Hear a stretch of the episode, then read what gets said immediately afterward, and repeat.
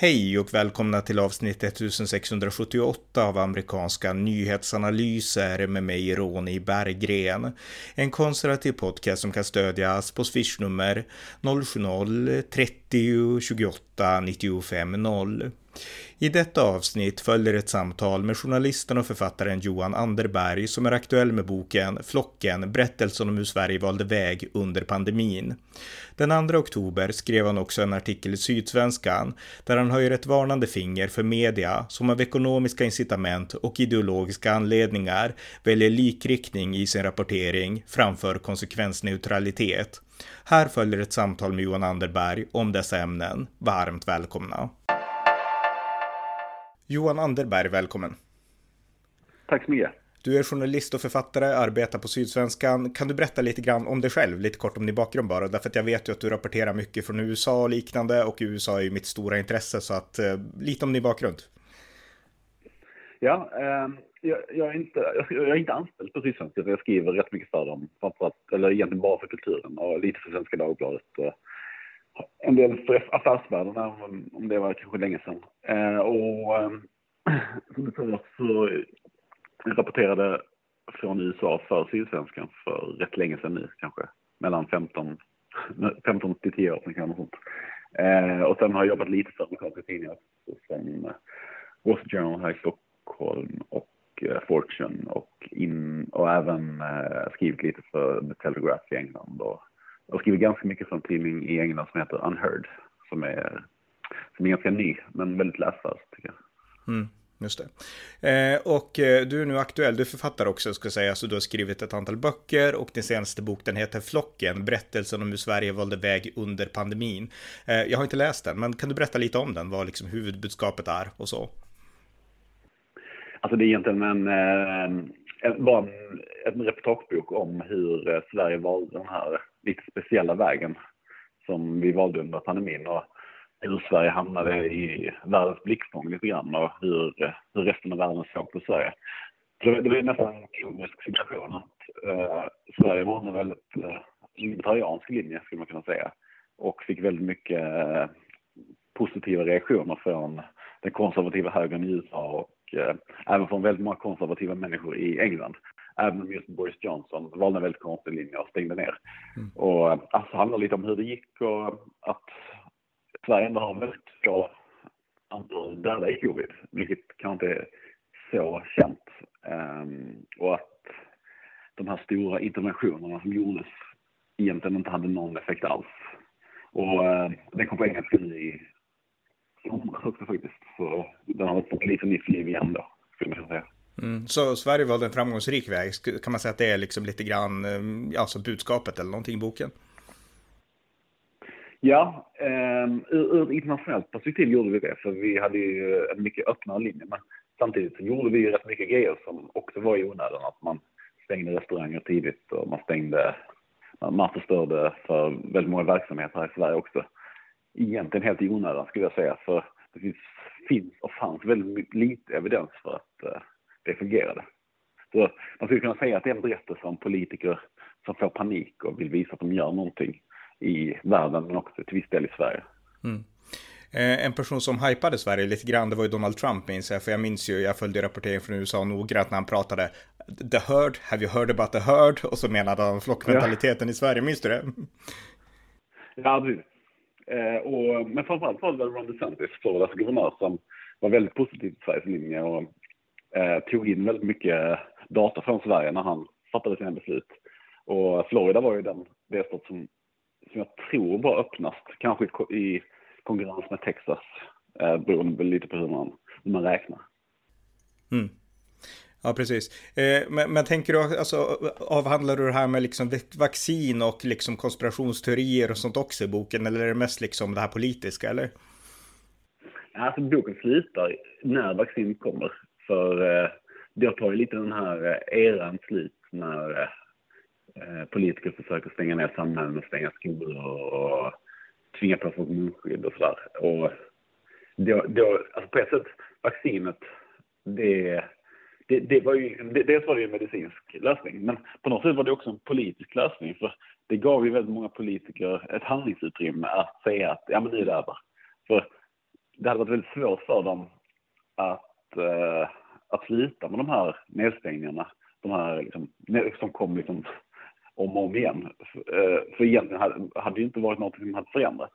Men nu kunde man peka på den här förändringen i spelplanen och säga att nu, eh, nu, är, vi, nu är det över. Så för väldigt många politiker i många länder tog ju den här chansen, ska jag säga. Och, eh, och därför kanske man överskattade vaccinets eh, potential också. För det var ju inte alls så positivt, eh, det var inte alls så effektivt som de tidigare studierna visade. Nej. Eh, jag tänkte också så här att, eh, alltså menar, om vi håller oss kvar lite vid USA, men det, det, var ju extremt polariserat mellan delstat och delstat. Vi hade de här liberala delstaterna, Kalifornien och många andra delstater som gjorde i princip totala lockdowns. Jag minns att jag såg tidigt i pandemin ja. hur man i Kalifornien, då det var några ungdomar som var ute och skatade och då kom det dit en form av lastbil och hällde sand över hela skaterampen bara för att här får ni inte vara, för det är lockdown. Liksom, det var absurt. Eh, och sen hade vi de här konservativa delstaterna där man i princip i, i vissa förnekade liksom att det här var någon fara alls, det som en förkylning och där man hade total mm. öppenhet. Alltså de här totala kontrasterna, det, det, det tyckte jag var väldigt spännande med USA. Ja, verkligen. Och där eh, gjorde ju medierna ett väldigt stort misstag, att, att de blev så polariserade också. Att eh, till exempel New York Times hade en helt eh, bisarr linje under den här tiden där man, eh, där man hade väldigt svårt att eh, nyansera riskerna med det. Och ehm, man, man hade ju liksom krigsrubriker nästan dagligen om det här. Och det, och det var ju liksom väldigt allvarligt. Men man måste också välja vilken nivå av allvar man, man vill förmedla. För det fanns ju väldigt stora risker med de här åtgärderna också. Man, man ser ju det att det har ju skapats lite av en folkhälsokris i USA på grund av det här nu. Eh, på grund av skolstängningar och på grund av eh, massa andra åtgärder man gjorde. Och den här inflationen vi upplever nu, den är ju också till viss del, den, den beror ju till viss del också på de här nedstängningarna som gjordes runt om i världen. Mm. Och det ledde också även till transportproblematiken, alltså logistiken i USA framförallt, och de här skeppen man kunde se utanför hamnarna i Kalifornien och liknande. Eh, men jag tänkte ja. också innan vi går vidare, för att vi, ska, vi har en ganska bra brygga här till den artikel du har skrivit, men jag läste också att den här boken som du har skrivit ska bli en tv-serie, stämmer det? Ja, alltså de, har köpt rättigheterna i alla fall. Sen vet jag inte riktigt om det blir... Det, är, det köps ju väldigt mycket filmrättigheter som sen inte blir film. Uh, framförallt sådana här, uh, liksom, såna här liksom spännande journalistiska historier. De, de, de köper ju ofta upp liksom, utan att uh, det är säkert att det blir någonting. Ja, du, du, du håller tummarna primärt alltså? ja, precis. Ja, ja, just det. Ja, men i alla fall det här med pandemin, det är en väldigt bra övergång till den artikel som fick mig att uppmärksamma. och noter, ta notis om dig och den artikel du skrev just då i Sydsvenskan, den Sydsvenskan Kultur den 2 oktober. Medierna tjänar på att stryka läsarna medhårs, heter artikeln, väldigt läsvärd. Och där utgår du från pandemin för att beskriva hur media gick fel kan man säga då. Och du nämnde nyss New York Times och det är New York Times du inleder med också i den artikeln. Och eh, du fastslår väl, utan att gå in på detaljer, att New York Times hade en syn på pandemin som de trodde att eh, så här ser hela USA på det här. Och sen så började de inse att oj, amerikaner kanske inte har våran syn på den här saken. Ehm, kan man sammanfatta din inledning av artikeln på det sättet? Ja, precis. Det var ju väldigt mycket snack om ehm, att FDA, alltså amerikanska läkemedelsmyndigheten, eh, var tvungna att ehm, godkänna eh, de här covid-vaccinerna för barn och inte bara barn utan riktigt små barn, alltså barn under fem år. Och eh, man fick liksom intrycket när man läste att eh, det här var en jättestor fråga för väldigt många människor. Och att pandemin inte riktigt kunde ta slut innan liksom alla, till och med de här småbarnen, fick sina vaccin. Och ehm, när man sen såg hur många som faktiskt hade vaccinerat sig när det väl godkändes, då var det färre än 5 som hade gått och vaccinerat sina barn under den första månaden det var tillgängligt. Och det påminner lite om när Trump valdes, att man har en bild av hur USA ser ut. Och eh, så stämmer inte alls med den bilden man har förmedlat.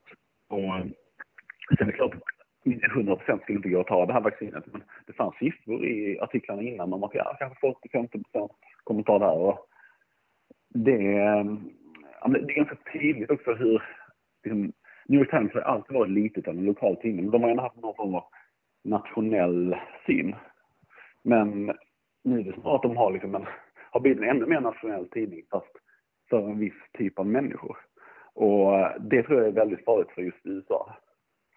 Mm. Och eh, det, det intressanta är då det att, för du nämnde ju helt enkelt att de har sin liksom nischade publik som de talar till och skriver till och sen så förvånas de när liksom de inser att oj, statistiken är inte den världsbild vi har. Och du, som du sa då, alltså att mycket av den här förändringen, för att jag har ju följt New York Times i alltså 20 års tid och när jag började följa New York Times, då minns jag att det var ju visst, de lutade lite, lite åt vänster, men alltså ganska normalt, alltså det är inget man störde sig på som vare sig som konservativ eller alltså en objektiv tidning ändå i grund och botten. Och sen förändrats det här och jag noterade ju att det började redan, kanske inte 2016 utan kanske till och med 2015 när Trump kampanjade till president och då liksom rå körde man hårt på Ryssland-spåret att Trump var nästan en rysk spion och sen så allt som Trump tyckte, där tyckte man tvärtom och eh, corona var ju också ett exempel på det nästan tyckte jag. Ja, precis. Och, och det blev ju nästan komiskt just under corona, för det var ju en sån fråga som egentligen behövde vara politisk det, det, har ju inget som helst samband med vilken politisk åskådning man har. Eh, hur man ser på det här viruset. Men där valde de liksom en linje som egentligen var ganska ovetenskaplig och, och om man ska se det från ett vänsterperspektiv så, så var det väldigt ojämlikt att, eh, att stänga ner alla skolor. För det gjorde ju att eh, människor liksom på Manhattan med, med sommarhus i Montana kunde åka dit istället. Och, medan liksom en, eh, en familj med åtta personer i en tvåa i Bronx hade ju mycket sämre förutsättningar att, att hantera en skolstängning. Så det var också väldigt konstigt utifrån den liksom, center-left-ideologi som de ändå förespråkar. Mm. Ja, ja verkligen. Och jag minns ju även bilderna från alltså, staden New York när coronan slog till. Det var något klipp jag såg, det såg jag på YouTube. Det var en kvinna som gick i tunnelbanan med sitt barn, en flicka. Och så hade hon en ansiktsmask som hade fallit från munnen och så kommer det fram väktare och trycker ner henne på marken och bär bort barnet. Alltså nästan som, alltså tänk dig de här moralpoliserna i Iran när de ser en kvinna utan slöja liksom och så hoppar de på henne. Det var nästan likadant jag såg från New York. Och då tänkte jag att det här är ju liksom, det här är ju vansinnigt dels. Alltså hur, hur gör man så här mot en kvinna och mot hennes barn, kanske ännu mer.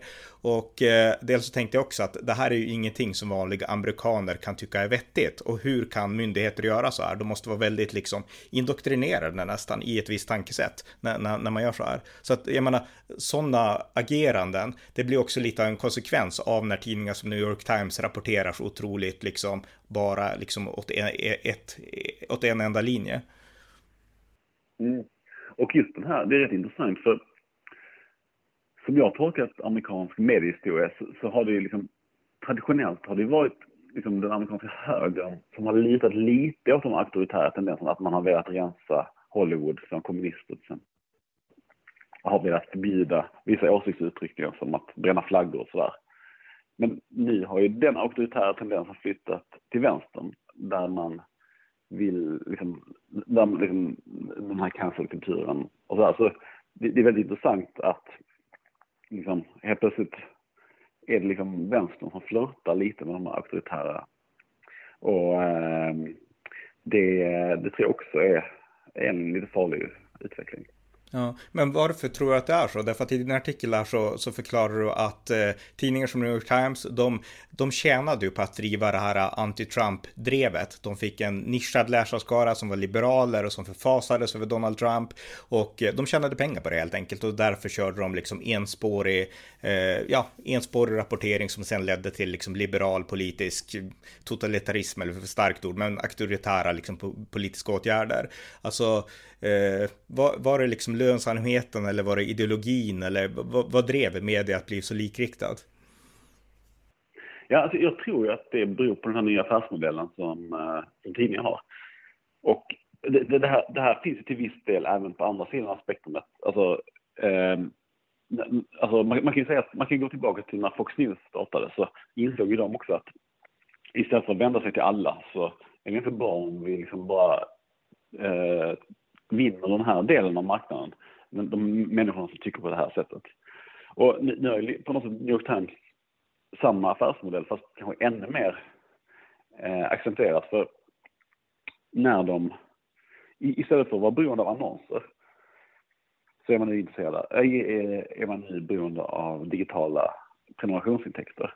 Och när man var beroende av annonser, då var man lite mer tvungen att eh, förlita sig till en större del av befolkningen. För om du till exempel vill sälja annonser till Coca-Cola, då är det bättre om, de, om eh, liksom hela USA läser tidningen. Men om bara halva USA läser tidningen, då ser ju Coca-Cola att min jobb bara hälften så många. Men nu har ju den här digitala prenumerationsaffären tagit över. Och då, um, då är ju liksom, de som betalar för produkten är ju läsarna. Och nu tror jag att det här fungerar på väldigt många olika nivåer. Dels att läsarna hör av sig till journalister och ger beröm och så. Det är ju lite mer undermedvetet. Det känner man igen väldigt mycket som skribent själv. Att man, man, man påverkas väldigt mycket längre än av vem som uppskattar och vem som kritiserar ens artiklar. Um, men sen tror jag också det har att göra med att, man, att, att redaktörer och chefer an, anställer en viss typ av människor för att de vet att det är, det, det är den typen av skribenter som publiken vill ha. Så jag tror att det här är en ganska långsam process som har pågått väldigt länge. Sen 2011 tror jag det var de lanserade den här nya affärsmodellen. Så, och man börjar liksom se tydligare och tydligare tecken på hur det här påverkar innehållet. Mm.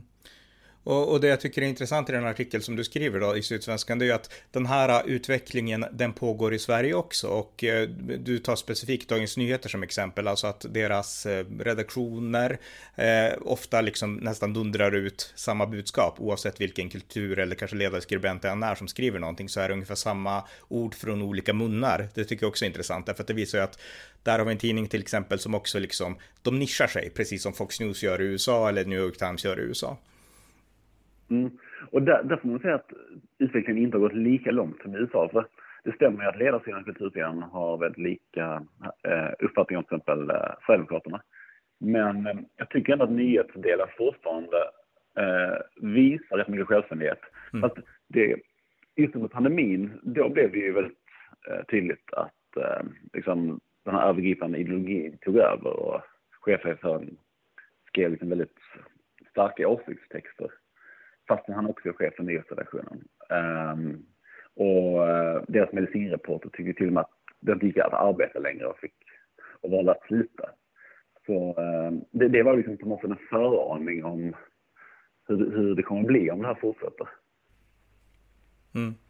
Eh, för, för jag menar, det här, det här är en form av polarisering och eh, normalt, du skriver i artikeln också, så brukar man liksom polarisering, det beror på Twitter, det beror på sociala medier, TikTok och liknande. Men tidningarna har också ett ansvar, liksom för polarisering, när de gräver ner sig i sina egna, liksom, skyttegravar på olika sidor. Därför att då får deras läsare liksom perspektivet från en skyttegrav bara och inte från den andra. Mm. Nej, precis. Och eh, det, det, är möjligt också att, att det är ganska bekvämt som läsare att få sin världsbild bekräftad. Mm. Um, det, det, alltså, och jag kanske inte är som andra läsare, för jag känner ju att jag blir liksom väldigt upplivad när jag ändrar åsikt om någonting. Men liksom, det kanske inte är vad folk i allmänhet vill ha till frukosten varje morgon. Att få sin världsbild demonterad. Um, så, så det är möjligt också att att, att det här hade varit en bra affärsmodell redan innan eh, de digitala prenumerationsintäkterna kom. Så eh, det finns ju också någonting lite socialpsykologiskt här som är, eh, är intressant tycker jag. Ja, nej, nej, men just det här med när vi pratar om sociala medier och liknande, det du sa att liksom, eh, alltså att man ofta vill läsa det man, det man tycker själv för att få sin egen världsbild bekräftad. Alltså när det gäller nyheter, jag är väldigt aktiv på sociala medier och när det gäller nyheter och liknande så ser man ju nästan alltid att de artiklar som människor delar på Twitter, på Facebook eller vart det nu än är, det är ju liksom artiklar, titta här är helt rätt och så är det artiklar som de håller med. Det är ju sånt som delas och det är liksom så att de som delar artiklarna och de läser online, det är ju liksom de som delar åsikten i artikeln oftast. Ja, precis. Ja. Eh, mm. ja, ja, men det, precis. Det, det där är ju så otroligt skevt. Um, hur, eh, och, och, och, förmodligen så ser ju redaktörer det här och liksom på något sätt får ju liksom signaler om att den här typen av material vi ska publicera om och om igen. Mm. Jag, jag har ett personligt exempel på det, för jag varit uppringd 2020 var det. Jag, jag stödde ju Donald Trump från härifrån Sverige då på mitt sätt. Och eh, då vart jag uppringd av en journalist från DN, Matilda Gustafsson heter hon, och hon, hon sa ungefär så här att hon ville veta liksom om jag stödde auktoritära, auktoritet, liksom, liksom auktoritära ledare. Och jag sa att nej, det gör jag såklart inte liksom. Och sen ville hon veta hur jag tänkte om populism och så förklarade jag att populism i USA, där är ju både vänstern och högern populistisk. Alltså amerikansk demokrati bygger på populism oavsett oavsett vilken sida du kommer ifrån liksom. Och sen så försökte de fiska efter ett, liksom auktoritära saker liksom. Och eh, ja, jag gav bara det här liksom idéhistoriska perspektivet på liksom hur amerikansk demokrati fungerar. Och sen var det, ja men känner du ingen annan som stöder Trump liksom? Så jag kan prata med dem istället. Alltså de fiskade nästan efter att få sin bild av, i det här fallet då Trump, men man kan applicera det på annat också, bekräftad innan de skrev artikeln. Och jag tycker att det är, det är ett slående exempel på, på, på just det här fenomenet.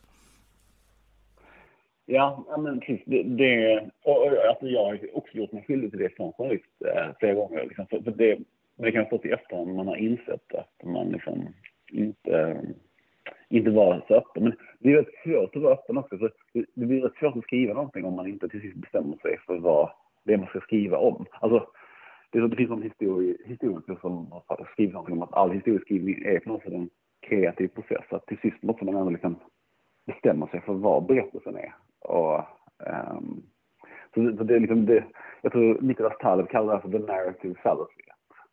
Um, men, eh, men jag är lite nyfiken på eh, din syn på Trump och så här. Alltså de här händelserna eh, i januari vid maktskiftet. Alltså fick de det att ändra uppfattning om Trump?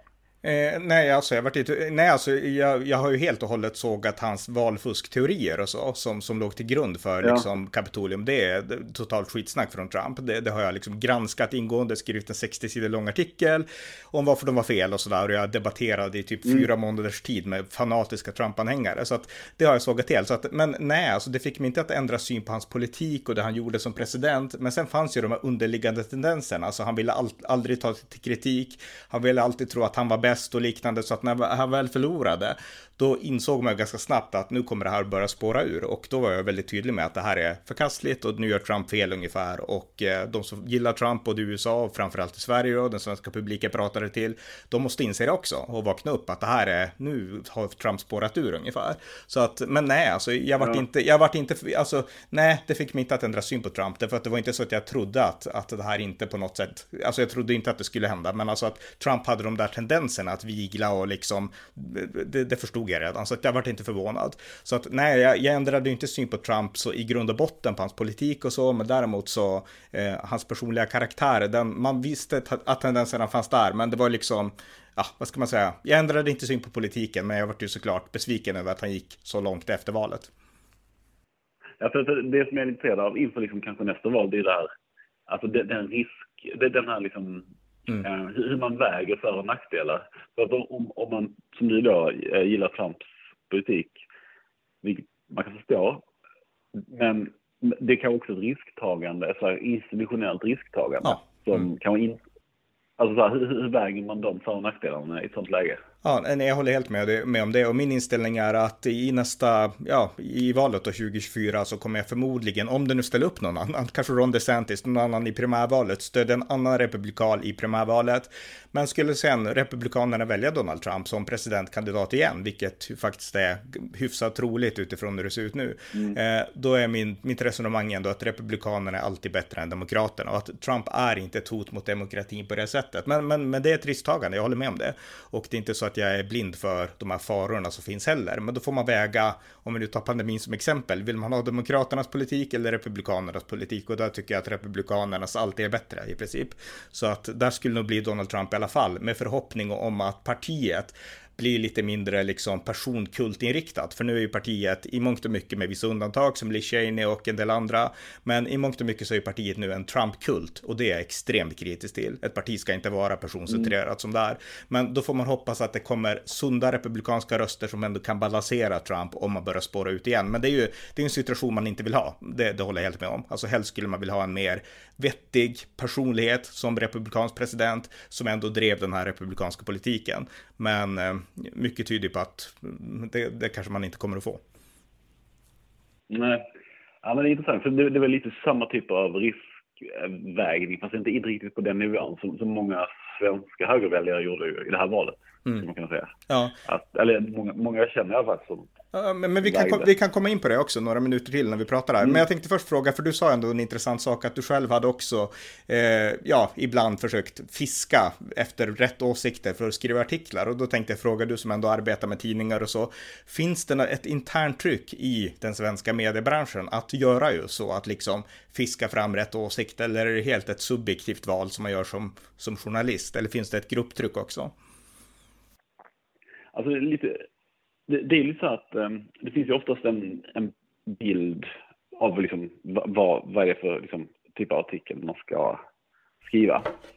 Och de gånger som jag, känner att, att, man på något sätt har levt upp till det, det, det är liksom ämnen som jag inte har haft så bra koll på själv. Alltså det, det finns ett par ämnen som jag känner att jag vet väldigt mycket om. Och då, då är det ganska, då, då, då, är det lätt, då, då, då blir man lätt den som blir drivande. Och det här är mer en sån grej som hände när man var yngre. Och, ehm, men, men det kunde ju också, det, det hade inte bara med politik att göra. Det, ah, det, kunde, det kunde ju vara också liksom som så här, jag kommer ihåg ett av mina första uppdrag var liksom någon redaktör som hade fått, hade fått för sig att, eh, att det var jättemånga i, i Malmö som solade solarium fast det var högsommar. Eh, så liksom fick jag ju ringa runt till massa solarier i, i Malmö och, eh, och fråga om det här. De som gärna, alltså, min bild var liksom lite grann att, eh, att, att de hade färre kunder ja. för att det var sommar. Men liksom, jag kände ju att han, han liksom inte riktigt uh, ville, ville ha det så. Och uh, jag blev ju tyst om riktigt att liksom, var, varför i helvete skulle folk solarium? Fastän, fastän det var en väldigt liten företeelse. Uh, och det, det här var inte på något sätt farligt för demokratin att jag skrev den här artikeln. Men, uh, men, men, men liksom, jag tror att alla som har, har, haft, har haft en chef någon gång kan känna igen sig i det där. Att man liksom tvingas göra någonting som man liksom inte riktigt står för. Mm. Eh, och du nämnde ju din artikel Barry Weiss som arbetade då ett tag på New York Times och hon blev ju less på att hon inte fick alltså den frihet att skriva som hon ville så att hon lämnade New York Times och kritiserade just den här nisch, nischade liksom eh, journalistiken då som, som i hennes fall då New York Times främst ägnade sig åt. Men om vi kommer in på, på, på det här igen just med att gräva ner sig i diken därför att eh, du, du, skriver också den här artikeln och jag tycker att det är intressant att nu verkar det ändå som, även om som du sa det har inte gått lika långt i Sverige som i USA, men det verkar ändå som att tidningar nu efter valresultatet resultatet i Sverige, när Sverigedemokraterna blir Sveriges andra största parti och kanske, vem vet, får vara med i en regering, att vissa tidningar nu vill gräva ner sig ännu mer och på något sätt göra motstånd och nischa sig ännu mer mot Sverigedemokraterna på samma sätt som New York Times gjorde mot Donald Trump och då kanske främst Dagens Nyheter. Ehm, alltså, riskerar inte det här på sikt, om det nu blir så, det vet vi inte, men, men riskerar i så fall inte på sikt att på något sätt göra samhället ännu mer polariserat och botemedlet mot en sån polarisering, vilket jag tror är alltså den självklara konsekvensen. Vore inte det att återgå till lite mer alltså konsekvensneutralitet? Därför att eh, alltså CNN i USA, de var ju nästan som New York Times, alltså de gick väldigt stenhårt åt vänster när Donald Trump var president och nu har de fått en ny chef, jag har glömt hans namn, men han vill återföra liksom CNN till mer konsekvensneutralitet. Och mm. jag som ändå har följt CNN väldigt länge, jag har insett att alltså, det var helt, det var omöjligt att se CNN, eh, alltså under Trump-åren. Men nu i samband med den här nya chefen, gör de jättebra reportage. De gör suveräna reportage om Ryssland, om USA, om Republikanerna, alltså på, inom loppet av tre månader har, har de blivit helt normala igen liksom. Så jag menar, vore inte det en bättre mm. väg, konsekvensneutraliteten istället för den den här skyttegravsmentaliteten i media. Jo, absolut, för journalistikens skull. Sen har ju CNN en helt annan affärsmodell. De påminner mer om gamla tiders tidningar och, in, och de, de, vill finnas på så många kabelnät som möjligt och sälja så mycket annonser som möjligt. Så de, men, men de flörtade också med den här prenumerationstjänsten tror jag. De, de, de hade ju någon idé om eh, en prenumererad nyhetstjänst som, som den här nya chefen la ner då direkt. Så ehm, det, alltså, eh, jag, jag, vet att du, du kanske inte är jätteförtjust i public service, men public service har ju liksom en jätteviktig roll i det här. Ja. De, de, är inte beroende av intäkter på det här sättet. Och, eh, de, de, har ju verkligen möjlighet att, eh, att eh, verkligen göra den här typen av konsekvensneutral journalistik på ett sätt som kanske tidningar inte kommer kunna ha i framtiden om de är beroende av eh, sina transaktionsintäkter. Alltså jag tror på något sätt att många tidningar kommer nu på något sätt närma sig Dagens ETC eller liksom Kvartal. Alltså de två liksom, ytterligheterna. Eller bulletin kanske är ännu bättre. Liksom, um, just, just för att det finns fortfarande nog rätt mycket pengar att tjäna på det här. Mm. Så att då blir det liksom upp till public service att behålla konsekvensneutraliteten. Alltså det blir deras uppgift att hålla samhället, samman, hålla samhället samman genom konsekvensneutralitet och att ge plattformar åt alla, men också objektiv journalistik. Ja, och så ser man också att ekonomitidningar i många länder har klarat sig bättre från det här. Just för att folk läser ju dem för att det finns liksom värdefull information som, liksom också, som, som de i princip kan tjäna pengar på genom att läsa de här tidningarna. Så det, deras läsare har ju aldrig varit snugna på att få politiska åsikter serverade. Utan de har varit mycket mer informationskunniga, de här tidningarna, från början. Mm. Ja. Eh, ja, det var egentligen alla frågor jag, jag hade. Har, har, du något mer du vill tillägga om det här? Eh, om samtalsämnena vi har liksom avhandlat nu? Nej, det var intressant tycker jag. Ja. Ja, men okej, okay, då vill jag säga tack till dig Johan Anderberg. Tack så mycket och lycka till med, med boken och sådär. Vi får väl se om det blir en tv-serie av den då. Ja, det blir Ja, tack. Hej. Ni har lyssnat till amerikanska nyhetsanalyser, en konservativ röst i det vänsterliberala svenska mediebruset som kan stödjas på swishnummer 070-30 28 95 0 eller via hemsidan usapool.blogspot.com på Paypal, Patreon eller bankkonto. Skänk också gärna slant till valfri Ukraina-hjälp. Tack för att ni har lyssnat och allt gott tills nästa gång.